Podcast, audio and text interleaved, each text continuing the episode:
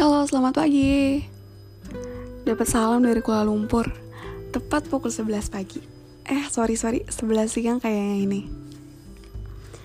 Nah, di mini podcast pertama gue ini gue mau bagi sedikit cerita tentang resah. Memasuki usia 20-an gini, pastinya banyak banget yang lagi diresain kita kan. Iya, keresahan gue juga sih karena di usia ini kita jadi lebih sering insecure dan bingung jalan mana yang mau kita ambil. Bener nggak guys? Buat yang udah ada kerjaan dan gaji yang oke okay di usia ini, pas udah ngerasa aman banget. Tapi gue yakin sih, ada di antara kalian yang memasuki usia 20-an, antara mau keluar dari zona nyaman, atau stay di situ-situ aja, dan gak ngelakuin apa pun dalam tanda kutip ya kalian gak berkembang. Nah saran dari gue sih lu harus ikutin kata hati lu. Udah saatnya lu berhenti dengerin suara sumbang orang tentang diri lu. Kalau lo yakin sama keputusan lo ya kenapa lo harus peduli sama mulut orang yang kadang gak ada akhlak? Bener nggak iya iya gue tahu di zona sekarang ini banyak banget yang lo pertimbangin. Dari mulai takut gagal takut keputusan yang lo ambil tuh salah. Tapi nih ya guys menurut gue itu lebih baik daripada lo berdiam diri lalu mengubur potensi yang lo ada.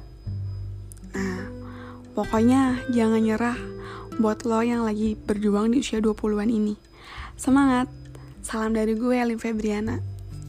Dan dari Twin Tower.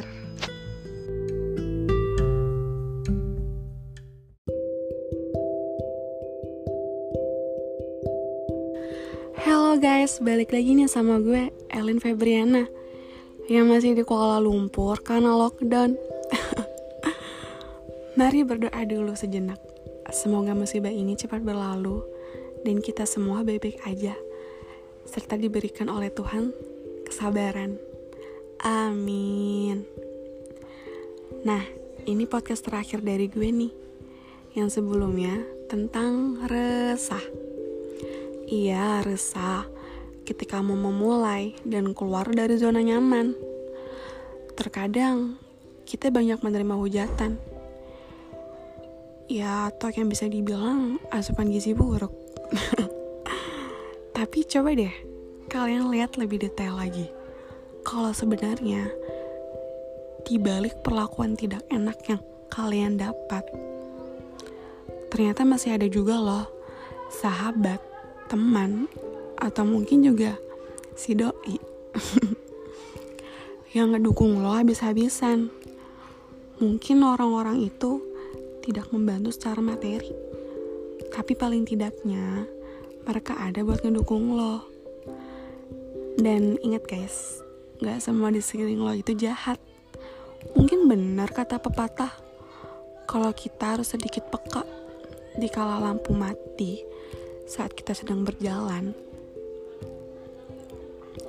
Tuhan itu baik banget saat kita diuji, dan saat itu juga Tuhan hadirkan mereka yang baik.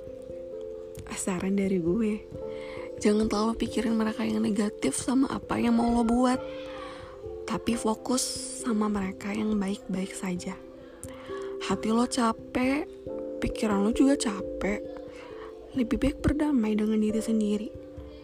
Dan lakukan sesuatu seperti maumu, seperti mimpimu. Dan terus yakin untuk berjalan terus melakukan apa sesuai passionmu. Salam sukses dari gue, Elin Febriana dan dari Kuala Lumpur. Tepat pukul 12 siang.